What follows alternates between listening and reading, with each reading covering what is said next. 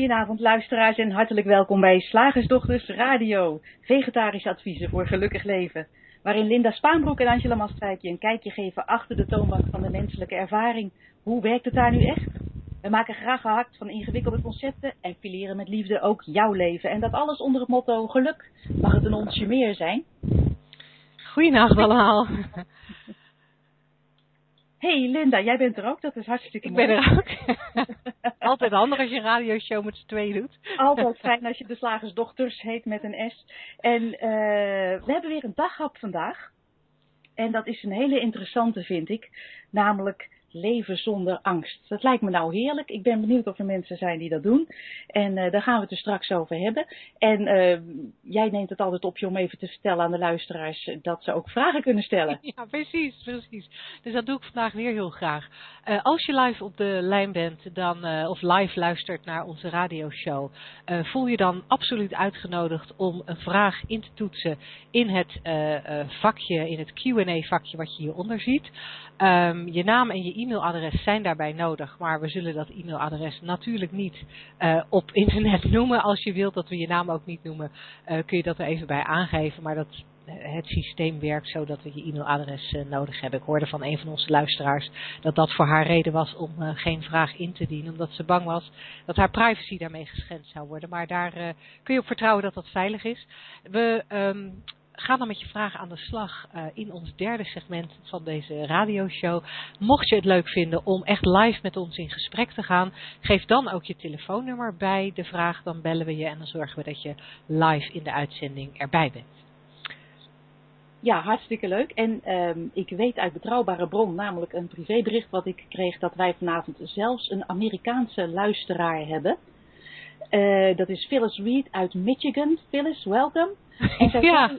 Ik ga hier dus helemaal niets van verstaan, maar ik wil er gewoon bij zijn om, om, om te voelen wat jullie zeggen. En uh, dat is eigenlijk uh, een, een, een, mooie bevestiging van wat jij altijd vertelt, Linda, dat je moet luisteren met je hart en niet met je hoofd. Ja, heel erg cool. Welkom Phyllis. Great. Um, ja, nou ja, laat, laten we dan de, de dag op uh, maar eens gaan serveren, vind je niet? Dat vind ik ook een goed idee. Leven zonder angst, doe jij het? nee.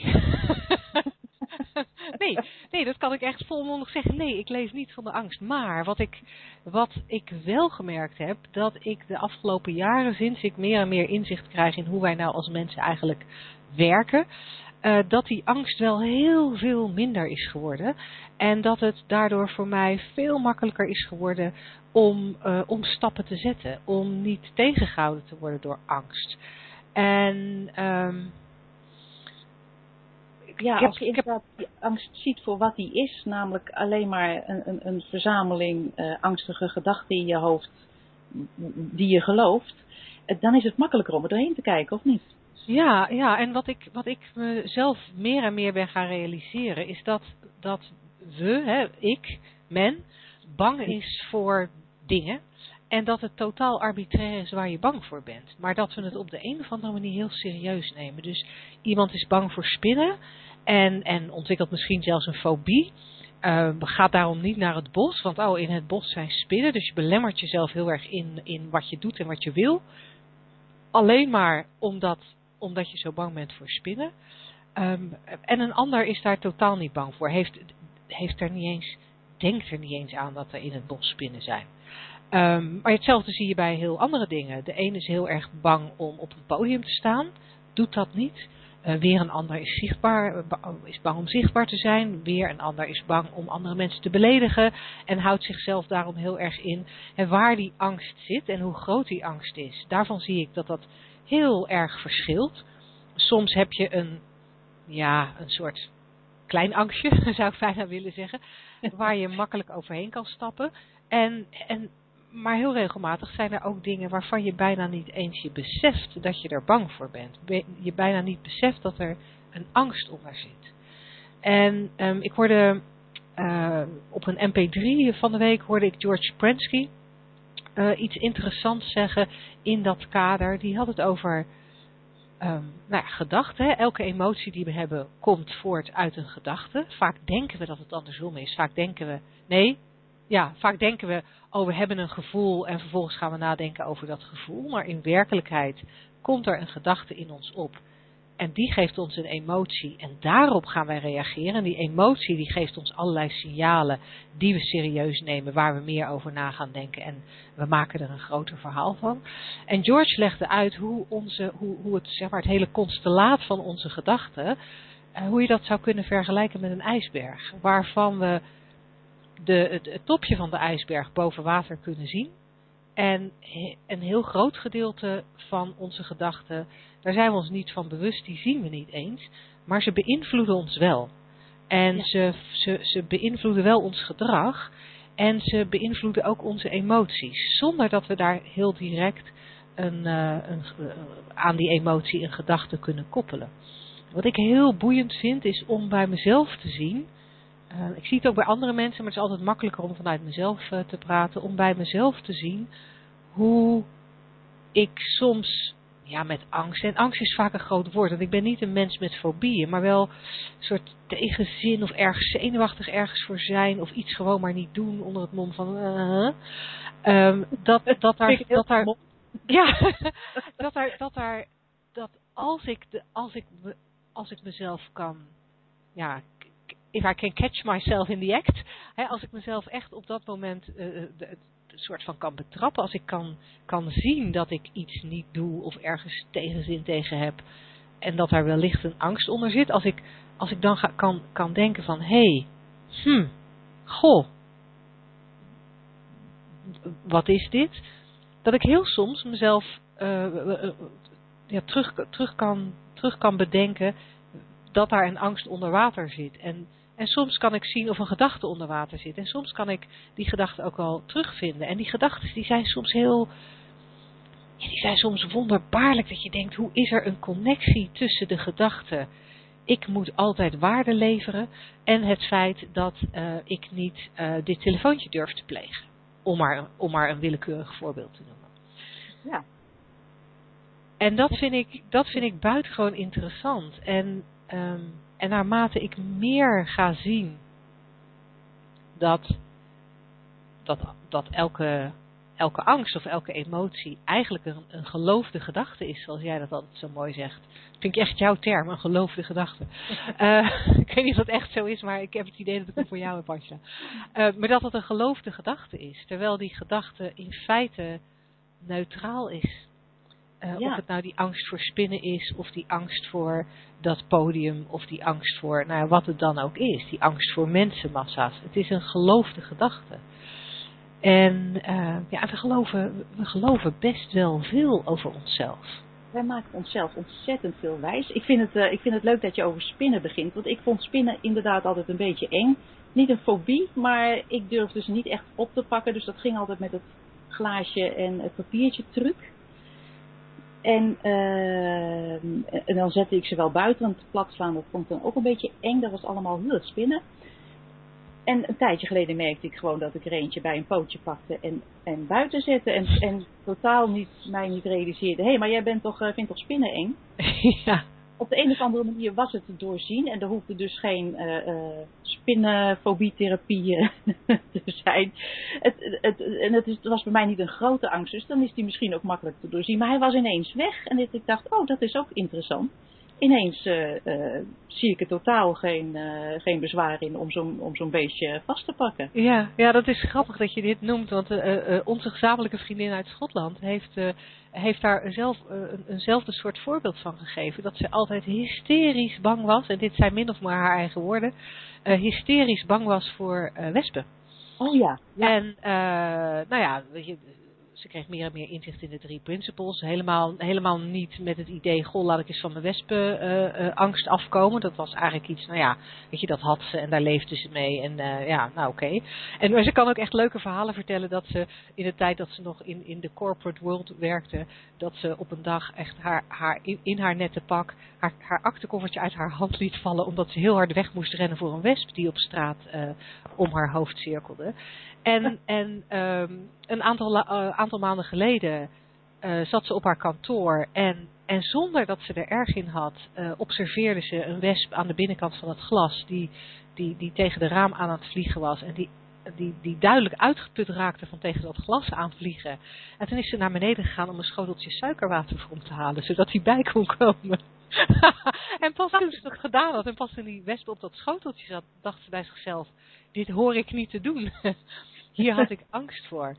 En dat is wel heel, dat is echt, dat is echt cool. Jouw spittenvoorbeeld, maar ook dit wesp bijvoorbeeld. Ik vind dat echt cool om te zien hoe als een, een, een deel van je, van je gedachten wegvallen, uh, uh, ja, hoe er ruimte komt voor, voor ander gedrag.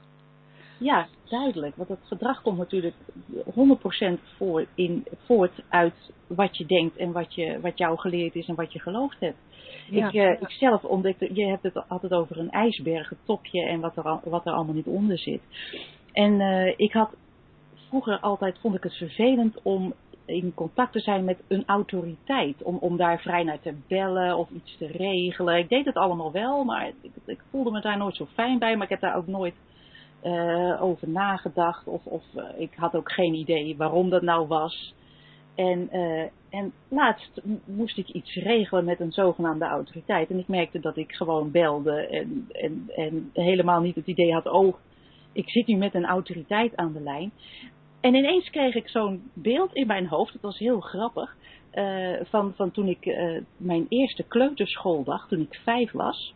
Mm-hmm. Want ik, ik ben, ging laat naar school. En uh, want ik, ik ben van eind oktober, dus mijn moeder dacht, ach gezellig, laten we nog een jaartje thuis. Dus ik was al vijf, ik ging naar de kleuterschool voor het eerst. En in de pauze speelde ik met mijn favoriete vriendinnetje. En er kwam iemand anders bij. Ik dacht, nou, jou vind ik niet zo leuk, doe jij maar even niet mee. En ik werd op het matje geroepen door de hoofdjuf. Nou, dat vond ik al enorm. Als vijfjarige. Als dag. En die zei tegen mij, wat ben jij een kattenkop? Wow. En ineens zag ik dat beeld. Oh, daar komt het vandaan. En ik moest er wel, ik moest er erg om lachen. En ik dacht, ja. oh ja, ik, ik voelde me ook weer vijf en opkijken. Het was ook nog een enorme, lange, magere dame. Opkijken tegen die autoriteit. En ik, ik, ik voelde me uh, uh, weer helemaal slinken. En ik dacht, oh, daar komt het vandaan. Nou, dat is toch ook leuk? Ja. Misschien, misschien dat hij nu helemaal niet meer terugkomt. Misschien nee, ook wel. Weet het ja, niet. maar, maar dat vind ik inderdaad heel gaaf. Dat je dan, dat je dan inderdaad zoiets van ver onder die, onder die, onder die zeespiegel in jouw ijsberg weer tegenkomt. Ja. En dat dat zoveel, um, ja, dat het zoveel verklaart zonder dat je er nou um, ja, opnieuw therapie voor moet hebben om, ja. uh, om dit allemaal uh, te overleven. Maar dat je gewoon het inderdaad kan zien en uh, nou, erom kan lachen en het kan plaatsen. Dat is inderdaad wel heel erg, heel nou, erg cool. Het is inderdaad wat je zegt dat je het kan plaatsen. Het is gewoon een, een, een soort, soort aha-momentje. Oh, dat is het. Nou, leuk. En verder inderdaad hoeft daar geen analyse aan te pas komen van oh en dus ik heb al uh, 44 jaar angst voor autoriteit omdat op mijn vijfde weet je dat hoeft er ja. allemaal bij te komen het was een, een, realisatie en vrolijk fluitend verder denk ik ja ja ja cool cool hey om, om nog heel even een, een ander stukje uh, een, een ander dingetje waarvan ik het ik zie dat dat veel ook veel met angst te maken heeft is um, de behoefte aan controle die, uh, die we soms hebben. En die sommige ja. mensen heel erg hebben. Ja. Uh, de, beho de behoefte om, om, nou ja, controle te hebben over je kinderen, controle te hebben over je partner, controle te hebben over het weer. Uh, we proberen vaak heel bizarre dingen te controleren, terwijl we dat natuurlijk niet kunnen controleren. Dus gaan we heel erg uh, fanatiek het huis poetsen, zodat dat maar in ieder geval allemaal helemaal schoon is en zoals we het willen. Uh, ja, iedereen vult dat, die controle op een andere manier in hoor. Dit laatste voorbeeld is niet uit mijn leven gegrepen tot mijn grote spijt. mijn huis is niet zo schoon. Uh, ik kan ja, wel dat gaat wel moet, iets meer. Het moet gaan zoals wij willen, hè? Ja, precies. En, en die angst om de controle te verliezen, dat vind ik ook een hele interessante. Ja. En als je het nou hebt over leven zonder angst, hè, dan kan je zeggen van, nou ja, als ik, als ik meer ga zien hoe mijn realiteit bepaald wordt door mijn gedachten en hoe mijn bewustzijn daar een prachtige film van maakt, maar dat die film niet, niet, niet echt is. Dat is één aspect. Maar die angst om, om controle te verliezen, hoe kijk je daar tegenaan? Ja, daar, daar zat ik laatst ook eens even mee te spelen. En, en toen zag ik eigenlijk dat alle angst die ik zou hebben om de controle te verliezen, uh, uh, dat is angst voor een toekomstig moment waarop ik dan niet oké zou zijn met de omstandigheden. En, daar, en dat denkend moet ik dan die omstandigheden regelen, hè? want dat is het. We regelen omstandigheden. Uh, en, en, en, en, dat mensen dingen doen en, en uh, dat het weer is zoals, zoals het is, zoals wij willen. Nou ja, dat gaat sowieso niet, dus dat is een makkelijke. Maar, en ik dacht, de enige angst die ik kan hebben, is een angst voor het feit dat ik in, op een toekomstig moment dus niet oké zou zijn. Maar me realiserend, zoals jij zegt, dat ik mijn eigen realiteit creëer. Wat is er dan om bang voor te zijn? Hooguit mijn eigen gedachten. En niet de omstandigheden, want die bepalen niet hoe ik mij voel. Dat bepaal ik via mijn gedachten ook al. En dat is niet bewust altijd. Nee. nee, stond niet. en ja, dan, dan vereist het toch een soort vertrouwen in dat je dat altijd op enig moment zult kunnen zien. Dat je dat zelf creëert, hoe je je voelt. Dan doen de omstandigheden er niet meer zoveel toe. En is die controle natuurlijk ook niet meer nodig. Ja. Zoiets. Misschien ja. Denk, doe ik het te ingewikkeld. Ja, nou nee, ik vind, ik vind, hem, ik vind het ik vind het een mooie manier van er naar kijken. En het, dat geeft mij ook wel weer, uh, weer nieuw inzicht. Uh, de, de, de invalshoek die ik tot nu toe had, dus dankjewel voor dit nieuwe inzicht, maar de invalshoek die ik tot nu toe had van, ja, con controle is, um, is eigenlijk in veel gevallen uh, de, de, de, inderdaad de behoefte om iets te beheersen, uiteraard, maar um, om iets te beheersen omdat we allerlei gedachten hebben over wat als. En dat, en dat is natuurlijk de toekomst, zoals jij het omschrijft. Maar ja. waar ik meer aan zat te denken, zodat dat gaat zitten we eigenlijk op hetzelfde spoor, maar net even met een andere uh, manier van het omschrijven. Waar ik aan zat te denken van als ik, of als iemand ergens controle over wil hebben, dan is dat vaak omdat er ergens ook weer onder dat wateroppervlak, ergens onder in die ijsberg gedachten zijn als als ik mijn, hu mijn, huis niet schoon genoeg heb, wat zullen de buren er dan wel niet van denken? Als mijn huis niet schoon genoeg is, dan ben ik geen goede moeder. Als, um, nou ja, als dit etentje niet, niet goed uitpakt, dan vinden ze mij een slechte gastvrouw. Um, en, en, en, en, dus, ik, dus, dus ik denk. Wat zeg je? Gelukkig heb ik die niet met mijn kop. Nee, nee. Nou ja, daar, ik geloof dat ik daar ook minder last van heb. Maar maar alweer meer dan dat schoonmaken. Um, en dus ik, ik, ik, het voelt een beetje als, als, uh, als we er zo over praten, als, alsof ik twee componenten herken. Jouw component met, ja, ik maak me zorgen over een moment in de toekomst. Uh, en, en in combinatie met, want ik heb allerlei gedachten over wat er zou gebeuren als mensen ontdekken dat ik, nou ja, niet minder goede, niet voldoe. Ja, uh, en dat is heel breed natuurlijk. Dat hè? is heel breed, waardoor je. Waar, en, en dan kom je natuurlijk ook weer terug, dan kom je ook weer bij wat jij aangaf. Want als mensen mij niet meer aardig vinden, of als mensen X, Y, Z van me willen, dan ben ik wellicht niet meer oké. Okay. Ja, en, precies. En ja, wat jij aangeeft, je bent, je bent oké okay, ongeacht de omstandigheden. Het zijn je gedachten die maken dat je je minder oké okay voelt. Ja, ik denk dat die zo rond is. Ja, hè? voor dit moment tot wij weer iets nieuws zien, Linda. Want dat is ook het mooie van deze, van, uh, ja, van deze principes. Je, het blijft ontdekken uh, bij jezelf van, oh, wat zie ik nog niet, wat kan er nog wegvallen. Ja, dagelijks, ja. Dagelijks plezier van. Ja, grappig hè. Hey, ik ja. had nog wel één dingetje, want we hadden, we ja. hadden onze luisteraars uh, beloofd dat we het ook zouden hebben over de eerste stap om van je angst af te komen. Oh, ik vind het wel leuk, we hebben hem natuurlijk zo ongemerkt wel benoemd, maar ik vind het wel leuk om hem nog eventjes heel heel expliciet uh, te benoemen voordat jij naar jouw wetenschappelijke onderdeel gaat. de eerste stap om van je angst af te komen is, wat mij betreft, zien dat je angst slechts een gedachte is. En dat het niet erg is om die gedachte te hebben. En dat je op elk moment de keuze hebt om mee te gaan in de gedachte en hard weg te rennen voor de spin. Of om te herkennen dat het maar een gedachte is en een, een, een andere actie te ondernemen. Ja. Ehm, voor, voor, ik neem aan dat ik voor jou spreek als ik zeg, voor ons, van ons hoef je niet door je angst heen te gaan. En Nee, feel, the, feel the fear and do it anyway. Erkennen en herkennen dat die angst maar een gedachte is, is de eerste stap. En of die angst dan oplost of niet, maakt eigenlijk niet zoveel uit, want je bent toch wel oké, met of zonder die angst. ja, dat vind ik een hele mooie. Want je hoeft niks. Je hoeft niks. Maar herkennen en erkennen en doorzien, dat, eh, dat levert een hoop vrijheid op. Ook van angst dus. Ja, ja cool. Nou, mooi. Gaan we verder met wat zit er in de leverworst, oftewel eh, het wetenschapshoekje. Wat zit er in de leverworst? Dat is een leuke nieuwe Ja. aankondiging van ons. Ja, ja, nou ja, ik heb mijn vader heel vaak leverworst zien maken. En ehm, ik, ik vond het er erg onsmakelijk altijd uitzien. dat is met de wetenschap niet zo trouwens. Eh, die, eh, die kregen wij deze week zomaar in de schoot geworpen van onze collega Jeannette Elders. Jeannette, als je luistert, heel erg bedankt. Eh Jeannette werkt veel met wetenschappers en eh, gaf mij de tip van een promotieonderzoek dat eh, vorige week, 7 oktober, gepresenteerd is door mevrouw de Jong aan de Universiteit Utrecht.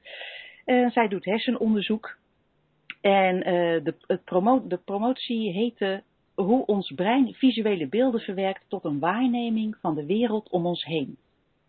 Dus wat zien we? die nog eens. Ja, dat wou ik net gaan doen. Hoe ons brein, onze hersens, visuele beelden, dus wat we zien, verwerkt tot een waarneming van de wereld om ons heen. En in die titel zit dus al een aanwijzing waar dit onderzoek heen gaat. Dus eh, wat we waarnemen is misschien iets anders dan de wereld om ons heen. Hmm, Hè? Want er vindt een verwerking plaats. ja. En eh, in dat onderzoek, eh, ik heb hier een korte omschrijving, daar praten ze over zo'n afbeelding waarin je zowel een jonge als een oude vrouw kunt herkennen. Ik weet niet of je die kent. Als je op een bepaalde manier focust, dan zie je een jonge vrouw met een mooie pluim op haar hoed. En focus je op een andere manier, dan zie je een, een, een heksachtig gezicht met een enorme kin. En eh, dan zeggen wij, eh, eh, dat vind ik altijd een heel mooi voorbeeld. Bij omdenken zou je kunnen zeggen van nou ja, je ziet een oude vrouw of je ziet een, een, een, mooie vrouw. Hè? Dus van het een van het, of, of het ander. Het is maar net hoe je kijkt. En wij zeggen eigenlijk, het zijn gewoon zwarte lijntjes op papier. Er is geen vrouw. Ja. Ja. Ja, nou, in dit onderzoek stelt mevrouw de Jong dus of we de oude of de jonge vrouw zien, hangt af van processen in ons brein. En wordt dus niet alleen bepaald door de, afdeling, door de afbeelding zelf, door externe informatie, hè, het plaatje zelf, maar ook, en dat vind ik het interessante hieraan, door informatie die zich al in ons brein bevindt. Interne informatie. En dat kan dus zowel het topje van de ijsberg zijn, waar we het net over hadden, als wat er allemaal onder water zit. Dat zit allemaal in ons brein. Mhm. In het brein zit bijvoorbeeld een geheugen van eerdere waarnemingen. En onbewust worden nieuwe waarnemingen mede bepaald door dit interne geheugen. Dus wat je eh, hebt opgeslagen, wat je hebt geloofd, mijn angst voor eh, de, de hoofdjuf zat opgeslagen in mijn hoofd. Als ik dus een lange, magere vrouw zie met een beetje pinnig gezicht, dan denk ik, "Huh, Ja. dat komt niet door die vrouw. Dat komt omdat ik ergens in mijn brein heb opgeslagen dat dat gewoon enge mensen zijn. Ja. Arme vrouw. Ja, ehm, even kijken, waar was ik? Eh, onbewust, daar hebben we dus eh, wat er onder water zit bij de ijsberg, worden nieuwe waarnemingen mede bepaald door dit geheugen. En tot op heden, tot nu toe, dus dit is wat nieuws, werd aangenomen dat interne informatie in andere delen van het brein verwerkt wordt dan externe informatie. Dus ze dachten, interne informatie, hè, al die gedachten die we hebben, zit ergens anders in ons brein, dat is een ander procesje, als informatie die wij verwerken die van buitenaf komt. Wat ze nu ontdekt hebben is dus dat dat hetzelfde plekje is. Ofwel, mijn conclusie, die staat hier niet bij, maar mijn conclusie is, je brein weet niet of er interne informatie gegeven wordt. Dit is een hele enge vrouw, weet je nog, toen je vijf was. Of dat het externe informatie is. Daar komt een enge vrouw aan. Fascinerend.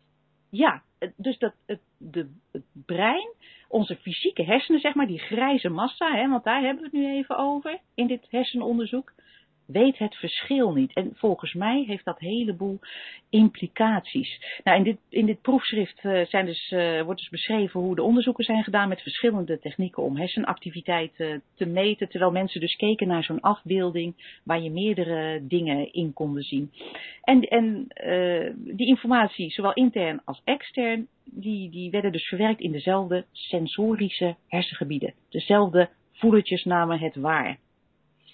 En, en voorheen werd dus aangenomen dat, dat, alleen, dat daar alleen externe informatie werd uh, verwerkt. En die zijn dus onlosmakelijk met elkaar verbonden, die waarneming. En de externe en interne informatie.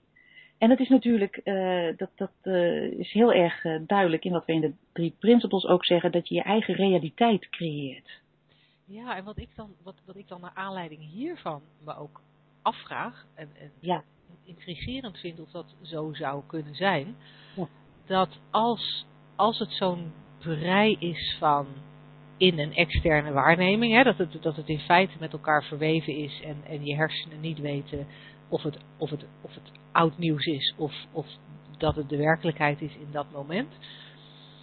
Dan, en, en, en we weten daarnaast dat onze gedachten, onze emoties, oproepen.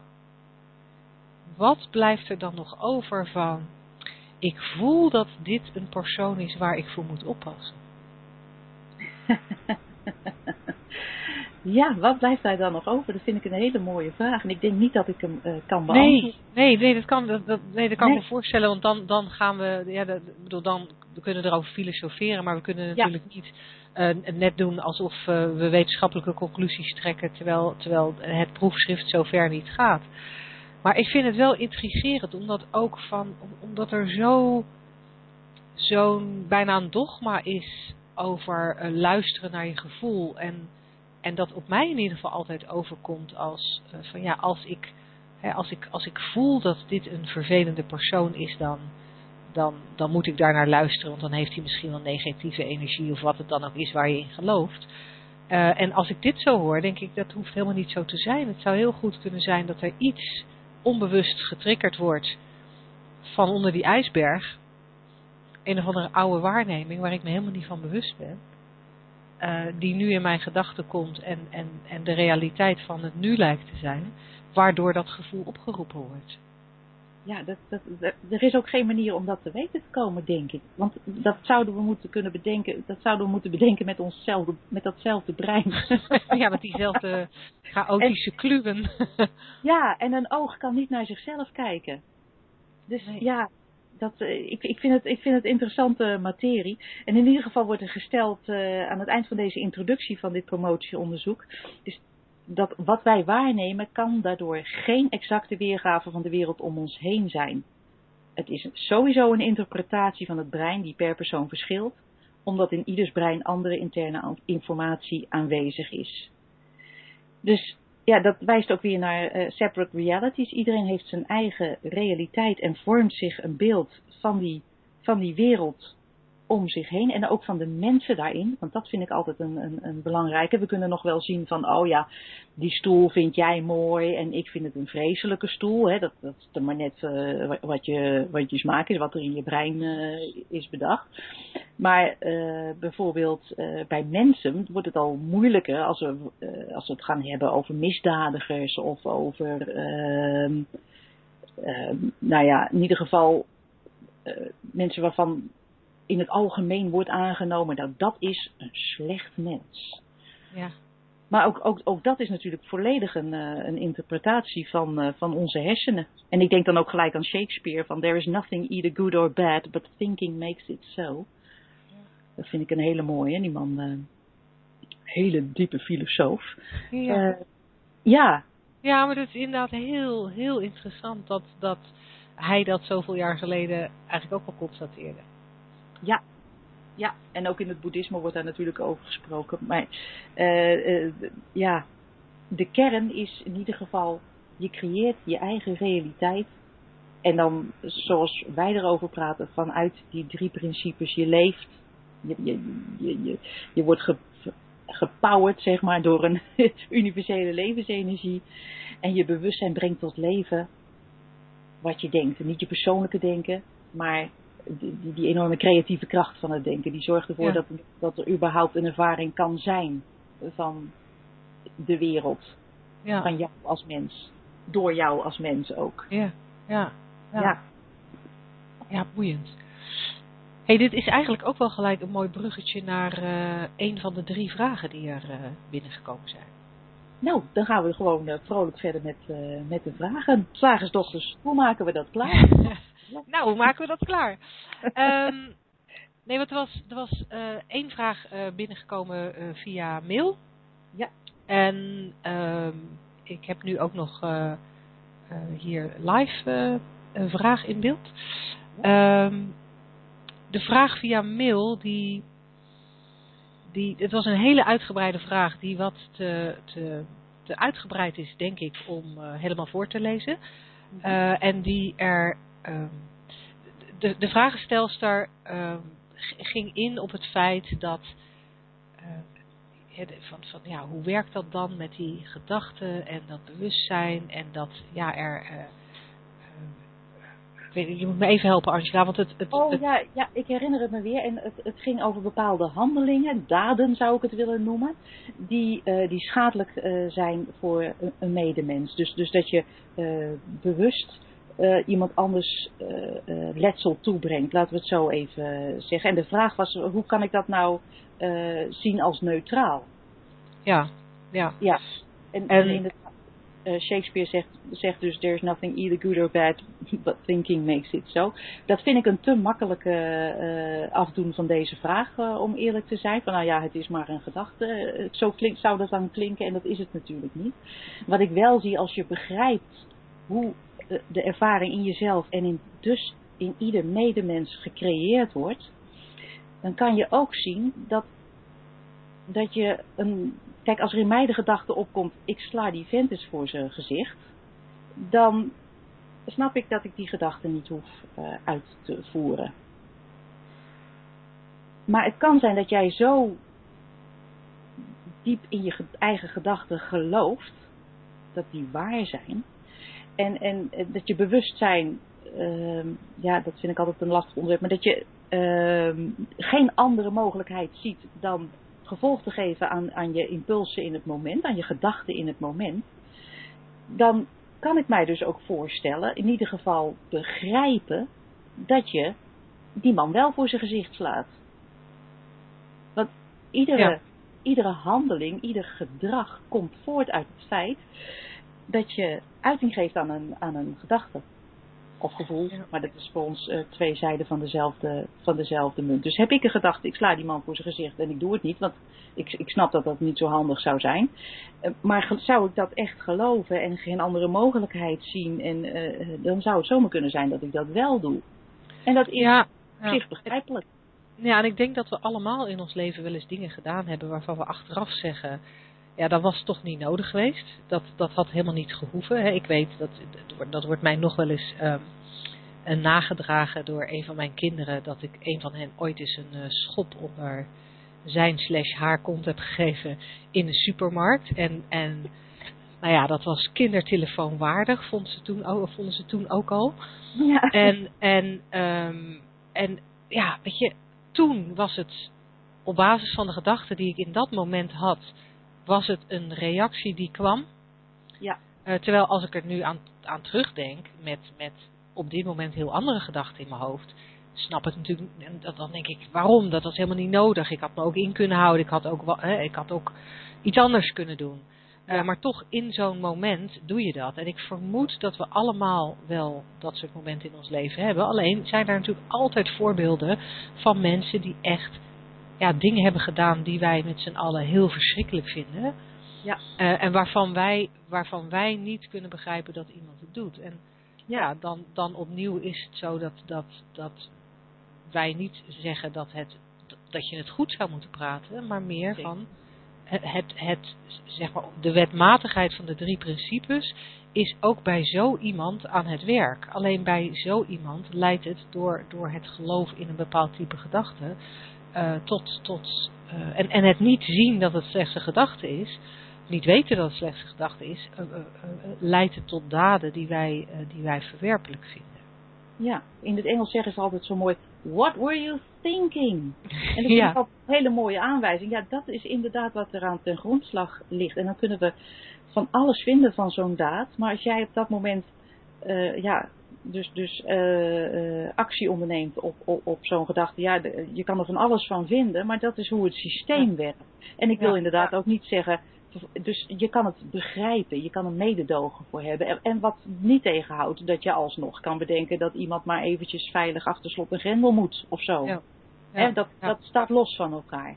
Ja, ja, en dat, dat, ondertussen zouden we hem de drie principes, hem of haar de drie principes kunnen leren, zodat hij hopelijk uh, in het vervolg uh, uh, niet meer gedreven wordt door... Uh, ja, en dat uh, gebeurt ook in gevangenissen in Amerika. Hè? Wordt ja, ja. Bij gevangenen dus, dus gepraat hierover, waardoor ze inzicht krijgen in Jeetje, ik heb eens een keer een, een, een filmpje gezien. Je hebt zo'n site, threeprinciplesmovies.com. Daar staan allerlei filmpjes van, van mensen van allerlei pluima, pluimage die uh, uh, dus geholpen zijn of inzicht hebben gekregen door, door de drie principes.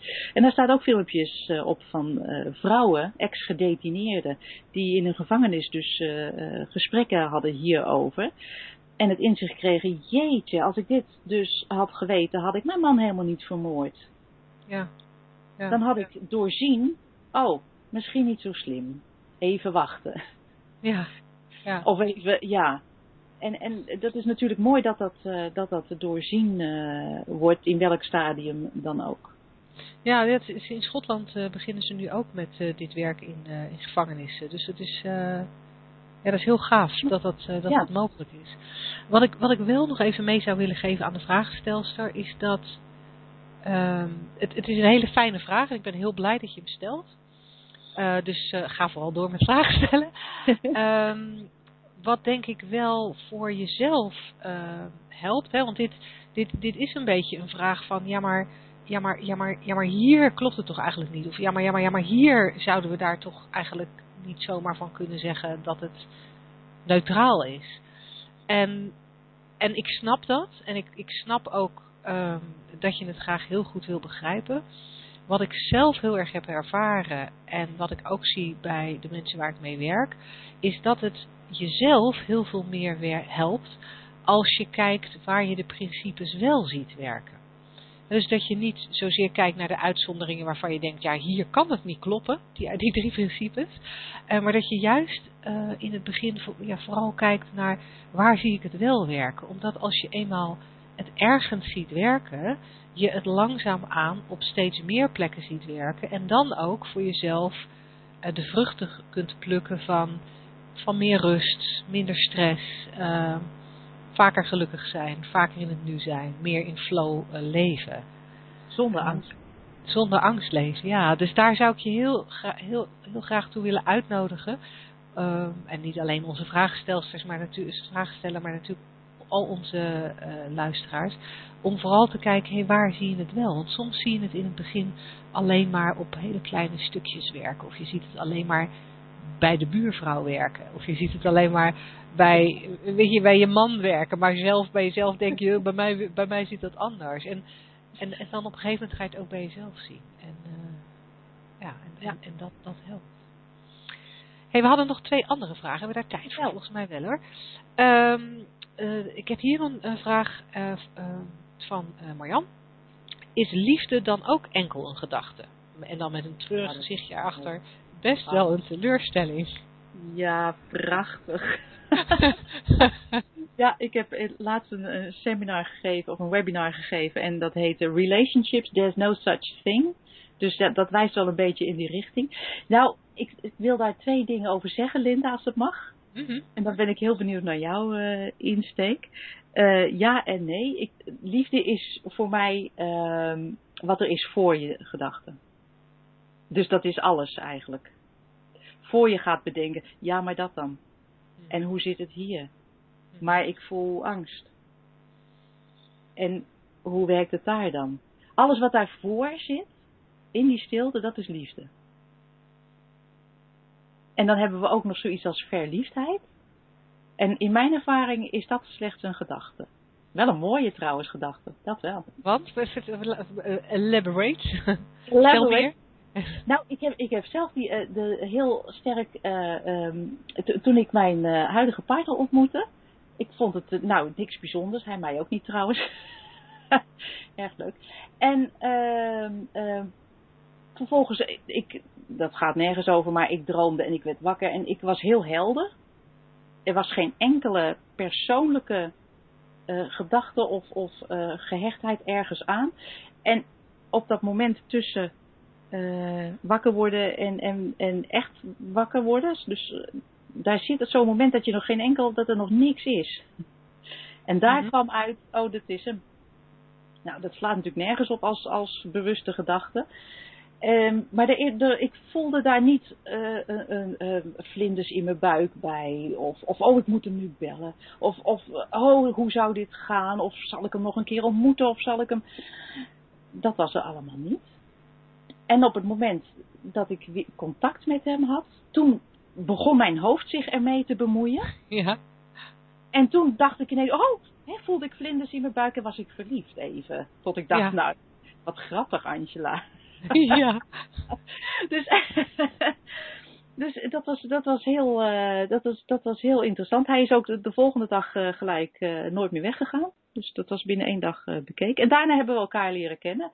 En dan is er af en toe verliefdheid en af en toe niet, zoals iedereen dat, dat, dat kent. Maar ik zie duidelijk dat dat uh, uh, net is van wat je in het moment uh, waar je bewustzijn zit. Of dat, of, of dat toegeknepen is, um, ergens mee bezig ben met, met angstige gedachten of met, ja, alles is eigenlijk een vorm van angst als het geen liefde is.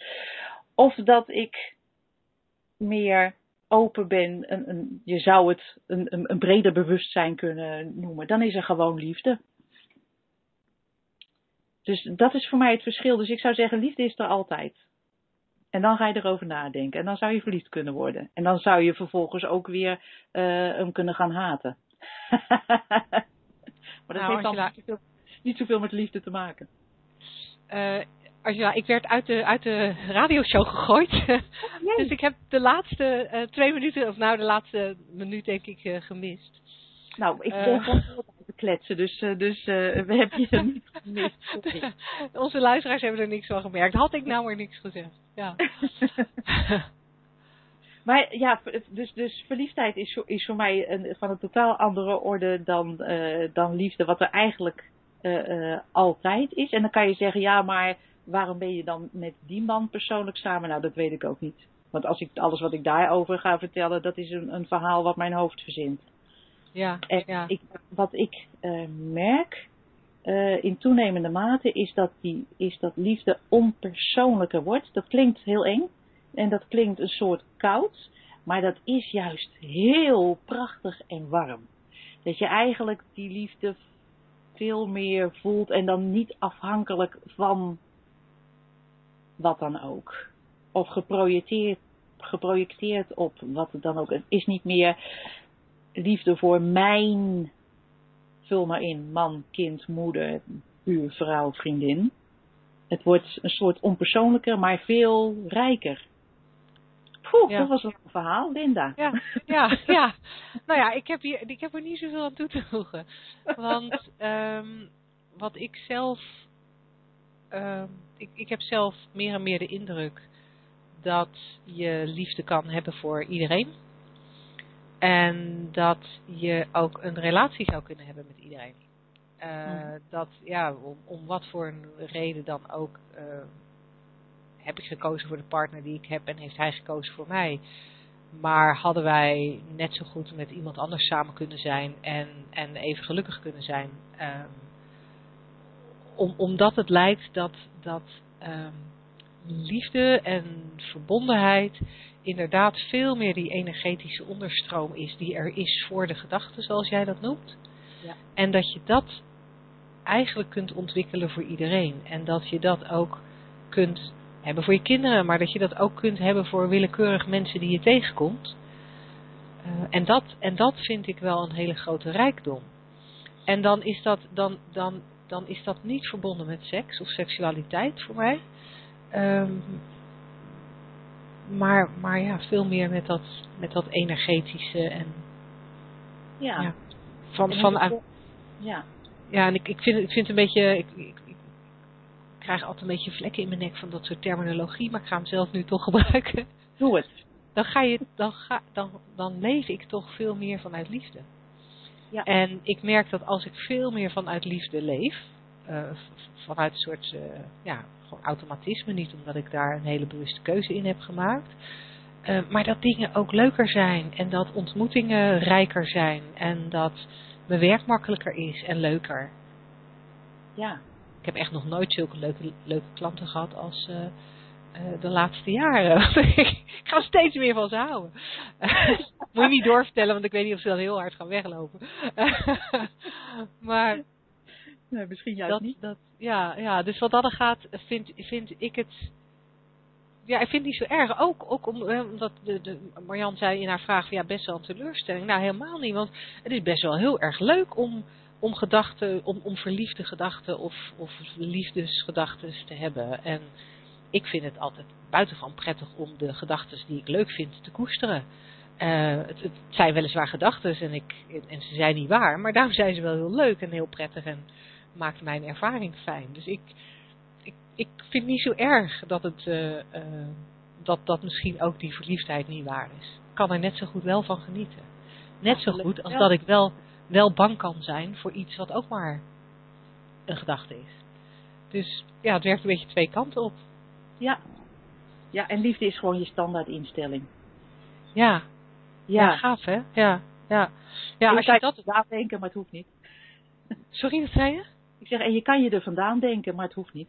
Ja, nee, precies. precies. Dus dat is, eh, dat is heel gaaf. Hey, ik stel voor dat we de derde vraag laten zitten tot eh, volgende week. Ja, we bewaren het. Die bewaren we tot volgende week. Eh, want ik ben, eh, ik, ik wil nog wel eventjes eh, naar eh, de gehaktmolen. gehaktmolen. Ja. Woensdag is tenslotte gehaktdag, dus welk concept gaan wij vermalen? Nou, we hadden, eh, volgens mij heb jij hem opgeschreven. Ah, ja, nee, dat is waar. Ik, eh, ik verblijf natuurlijk regelmatig op campings, omdat ik, ik ben officieel zwerfster. En ehm, daar hoor ik heel vaak eh, mensen die dan zomers met een paar weken, nog zomers met de caravan of camper een paar weken op pad zijn. En dan wordt mij heel vaak gezegd, nou, nog een paar jaar werken en dan gaan wij ook het hele jaar door genieten. En dat vind ik altijd zo jammer. Want dan denk ik, geniet je niet in je werk? Ehm, ik vind het altijd eh, jammer dat ehm, ehm, geluk in een, in een toekomstig eh, moment wordt gelegd. Eh, en, en dat zie je eigenlijk op heel veel vlakken. Kijk maar eens op Facebook. Jij begeeft je daar niet zo vaak, maar ik ben daar toch elke dag wel eventjes te vinden, Linda. En dan zie ik, oh, nog twee dagen en dan is het weekend. Dan wordt het dus leuker dan nu. Of, oh, ik zal blij zijn als ik mijn diploma heb. Dan wordt het dus leuker dan nu. Of ehm, als de kinderen de deur uit zijn, nou, Ja. dan ga ik ook zwerven. Dat is dus leuker dan nu. Vind Ja. het altijd jammer. Of als die baby dan eindelijk groot is. Dat Ja, is ook leuker dan nu blijkbaar die babytijd. Ja, ja, en dan achteraf zeggen, wat was het toen leuk, hè? Ja, ja, ja. Ja, het is eigenlijk een, een voortdurende, voortdurende frictie van het, het, het moet leuker worden of het was vroeger leuker. Maar ja, we leven uitsluitend nu. Ja, en ondernemers, om er nog heel even over door te, te mijmeren. Ondernemers hoor ik dat ook heel vaak doen. Ja, maar ik moet Ja. nu even hard werken. Want dan heb ik genoeg geld om. En dan, en dan komt er iets. Dan, dan heb ik genoeg geld om te doen wat ik wil. Of om vrijheid te hebben. Of inderdaad ook dat zwerven of dat reizen te doen. Ja, ja en, en al dat streven is naar een, eh, een moment of, een, een, eh, of, of het, het, bezit van iets waarvan we denken dat het ons gelukkig maakt. Of dat nu het, het, zwerven is, of de vakantie, of eh, de aanschaf van het Ferrari, of wat dan ook. Alles waar je eigenlijk naar streeft, alle, of, dat doe je omdat je denkt, dan ben ik gelukkiger. Maar wat nu, als dat nu beschikbaar is? Ja, als je nu, eh, nu zo kunt genieten als je graag zou willen genieten. Ja. Gewoon in dit moment. Ja. Dus dat je nu al zo geniet. alsof de kinderen de deur uit zijn. nee, dat is natuurlijk onzin. Maar elk moment uh, biedt de gelegenheid om te genieten. Uh, maar vaak bedenken we dat het een ander moment moet zijn. En ja, en dat, ja en, en dat heeft dan ook weer te maken. En een beetje met het risico dat we in herhaling vallen, deze uitzending. Qua, qua, maar dat, dat, hou je misschien toch een beetje met die drie principes. Omdat het maar drie principes zijn, kom je er toch elke keer weer op terug. het is gewoon dat, te simpel. ja, het is te simpel. Dat, dat, dat daar natuurlijk ook weer onder ligt van, we denken dat de omstandigheden uh, ons gelukkiger maken. Ja, uh, dat... want, want straks als ik vier maanden per jaar in de camper weg kan, dan zijn de omstandigheden zo dat ik gelukkiger ben dan nu wanneer ik maar drie weken met de camper weg kan en, en uh, uh, die andere drie maanden gewoon op mijn werk zit of gewoon voor mijn kinderen zorg of wat je, wat dan, wat je dan ook te, te doen hebt. En wat wij natuurlijk allebei op onze eigen manier hebben gemerkt, ja, ja jij, jij, jij zwerft, ik niet. Ja. Ik, ik heb gewoon het, het um, nou ja, bijna 9 to 5 is niet helemaal waar, want ik heb natuurlijk ook mijn bedrijf al zo ingericht dat ik heel veel vrijheid heb. Maar um, uh, ik, ik, ik, ben wel, ik heb wel een, een, een meer huisje, boompje, beestje uh, leven dan uh, jij. Steeds meer beestjes ook, nu er ook weer een hond bijgekomen is. Ja, en maar, zo. maar dat, dat, um, dat wij allebei toch, toch ook merken dat de vrijheid die we ervaren niet zit in het feit dat jij in een caravan woont en ik in een huis. Nee. Uh, of dat wij allebei werk hebben wat we, wat we aardig naar onze eigen hand zetten. De vrijheid die we ervaren zit vooral in, de, in, in, de, in ons denken. En het besef dat, uh, ja, dat we zelf onze eigen realiteit creëren. Ik weet niet of ik dat laatste ja, dan helemaal goed zeg. Ja, nou dat denk ik wel. Uh, want er wordt vaak tegen mij gezegd, oh heerlijk, het hele jaar door in zo'n camper en naar Zuid-Europa en fijn en wat een vrijheid. Maar je kan in een, zwervend in een, in een camper door Europa net zo muurvast in je denken zitten, als dat je van 9 tot 5 uh, achter de balie bij de gemeente staat. Vrijheid is, zit van, van binnen in, het vrij zijn van het denken, in de, in, in, de, in de mindset, om het zo maar even te noemen. En, en bij mij is het zwerven gewoon uh, de omstandigheid waarin die vrijheid ervaren wordt. Het was een, voor mij een, een, een logische stap. Een, uh, een, en jij ervaart die vrijheid in andere omstandigheden. En ik heb ja. ook in omstandigheden gezeten dat, uh, dat het met mijn kind helemaal niet goed ging. En er was van alles leek er aan de buitenkant uh, mis te zijn. En dat ik toch diep geluk ervaarde. En, en toen mij ook realiseerde, dat zit er niet in de omstandigheden. Het zit in mij. Ja, ja en, dan, en dan zou het natuurlijk zoveel fijner zijn om niet het gelukkig zijn of het je vrij voelen te, te ervaren over zoveel jaar. Maar om dat gewoon naar nu te halen. Ja. En wie weet sta je dan op en, en, en ga je in die camper zitten. En, en misschien ook niet, maar dat maakt niet uit. Het is, de, de, je mindset is alles. Ja. En ja, daarmee creëer je inderdaad jouw realiteit. En omstandigheden hebben daar niets mee te maken. Dat, dat uh, gaf dat onderzoek ook wel enigszins aan. En het is natuurlijk wat wij ook, uh, wat wij ook uh, steeds benadrukken. Je omstandigheden creëren niet hoe jij je voelt. Dat heeft er niets met elkaar te maken. Want, nee. En daar kun je natuurlijk hele simpele voorbeelden van geven. Van, de ene moeder heeft een kind wat elke nacht wakker wordt en die baalt daarvan en die, en, en die klaagt en die zucht en die steunt en was dat kind maar sliep het maar door. En de andere denkt elke nacht, oh wat heerlijk, die kruimelt tegen me aan en nog even aan de borst. En oh, ik hoop dat dit nog heel lang duurt. Ja. Elke ja. omstandigheid, andere mindset. Ja, ja. Ja.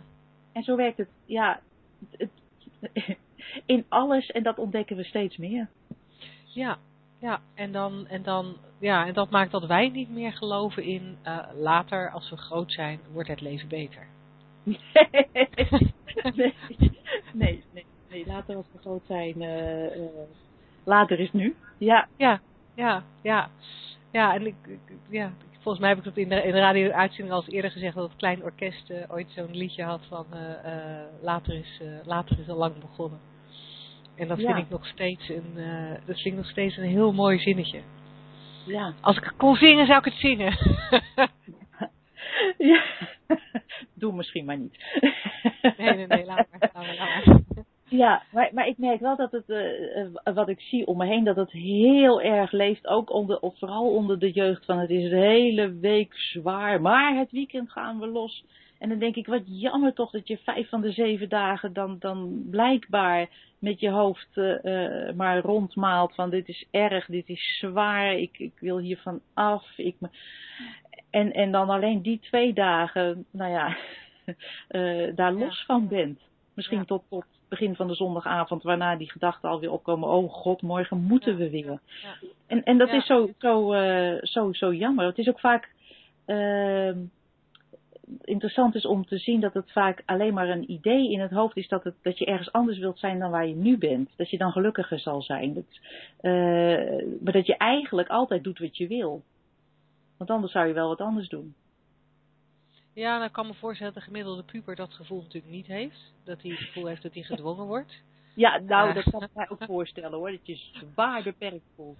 Ik heb dat Ja. ook wel eens ander. Ik heb zelf ge- geprobeerd dat anders te doen als het gaat, eh, als het gaat om school. Maar ja, dan krijg je toch de leerplicht op je nek en eh, eh, politieagenten op je stoep om,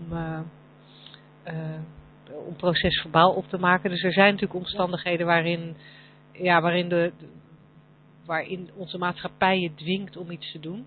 Eh, Ja. Maar ik denk dat, dat als we het om school hebben, dat het wel een, een heel eh, specifiek, eh, ja, om een, een- heel specifiek aspect is waar, waar onze maatschappij heel streng in is. En dat er, Ja.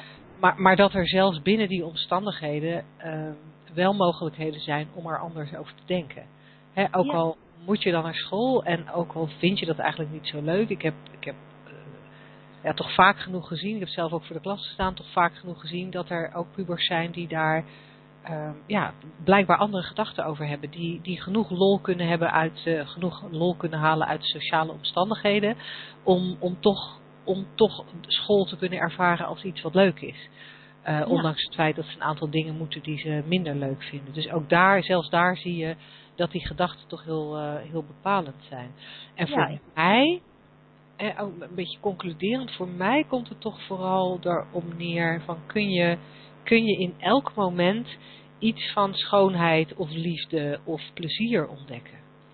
Ja. En ja, mij, ik, ik merk aan mezelf dat ik me daar steeds bewuster van ben. Van goh, dan loop ik in het bos en vroeger kon ik heel veel lopen nadenken, ook als ik in het bos was.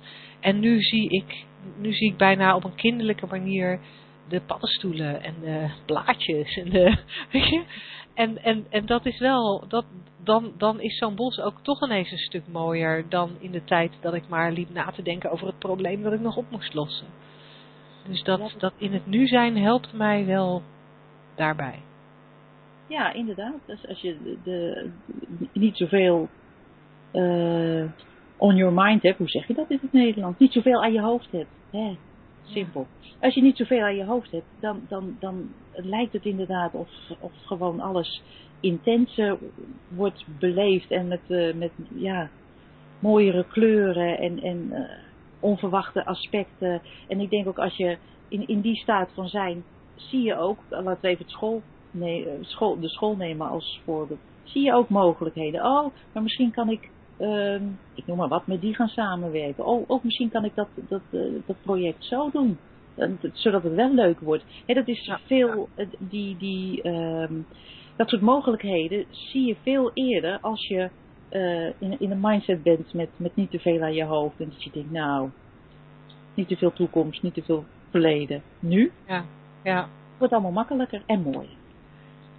Dat lijkt mij een mooi besluit van deze uitzending. Dat dacht ik ook. Hey, aan Iedereen alle luisteraars. luisteren. Ja, dat wilde ik ook net zeggen. Aan Ja. alle luisteraars heel hartelijk dank. Eh, we zien je vragen heel graag tegemoet eh, via mail of volgende week in het Q&A vakje. Maar mail mag ook altijd. Welkom at deslagersdochters.nl En ik zou zeggen heel fijne week. Tot volgende week. Tot dan. Dag. Dag. The moderator has left the conference.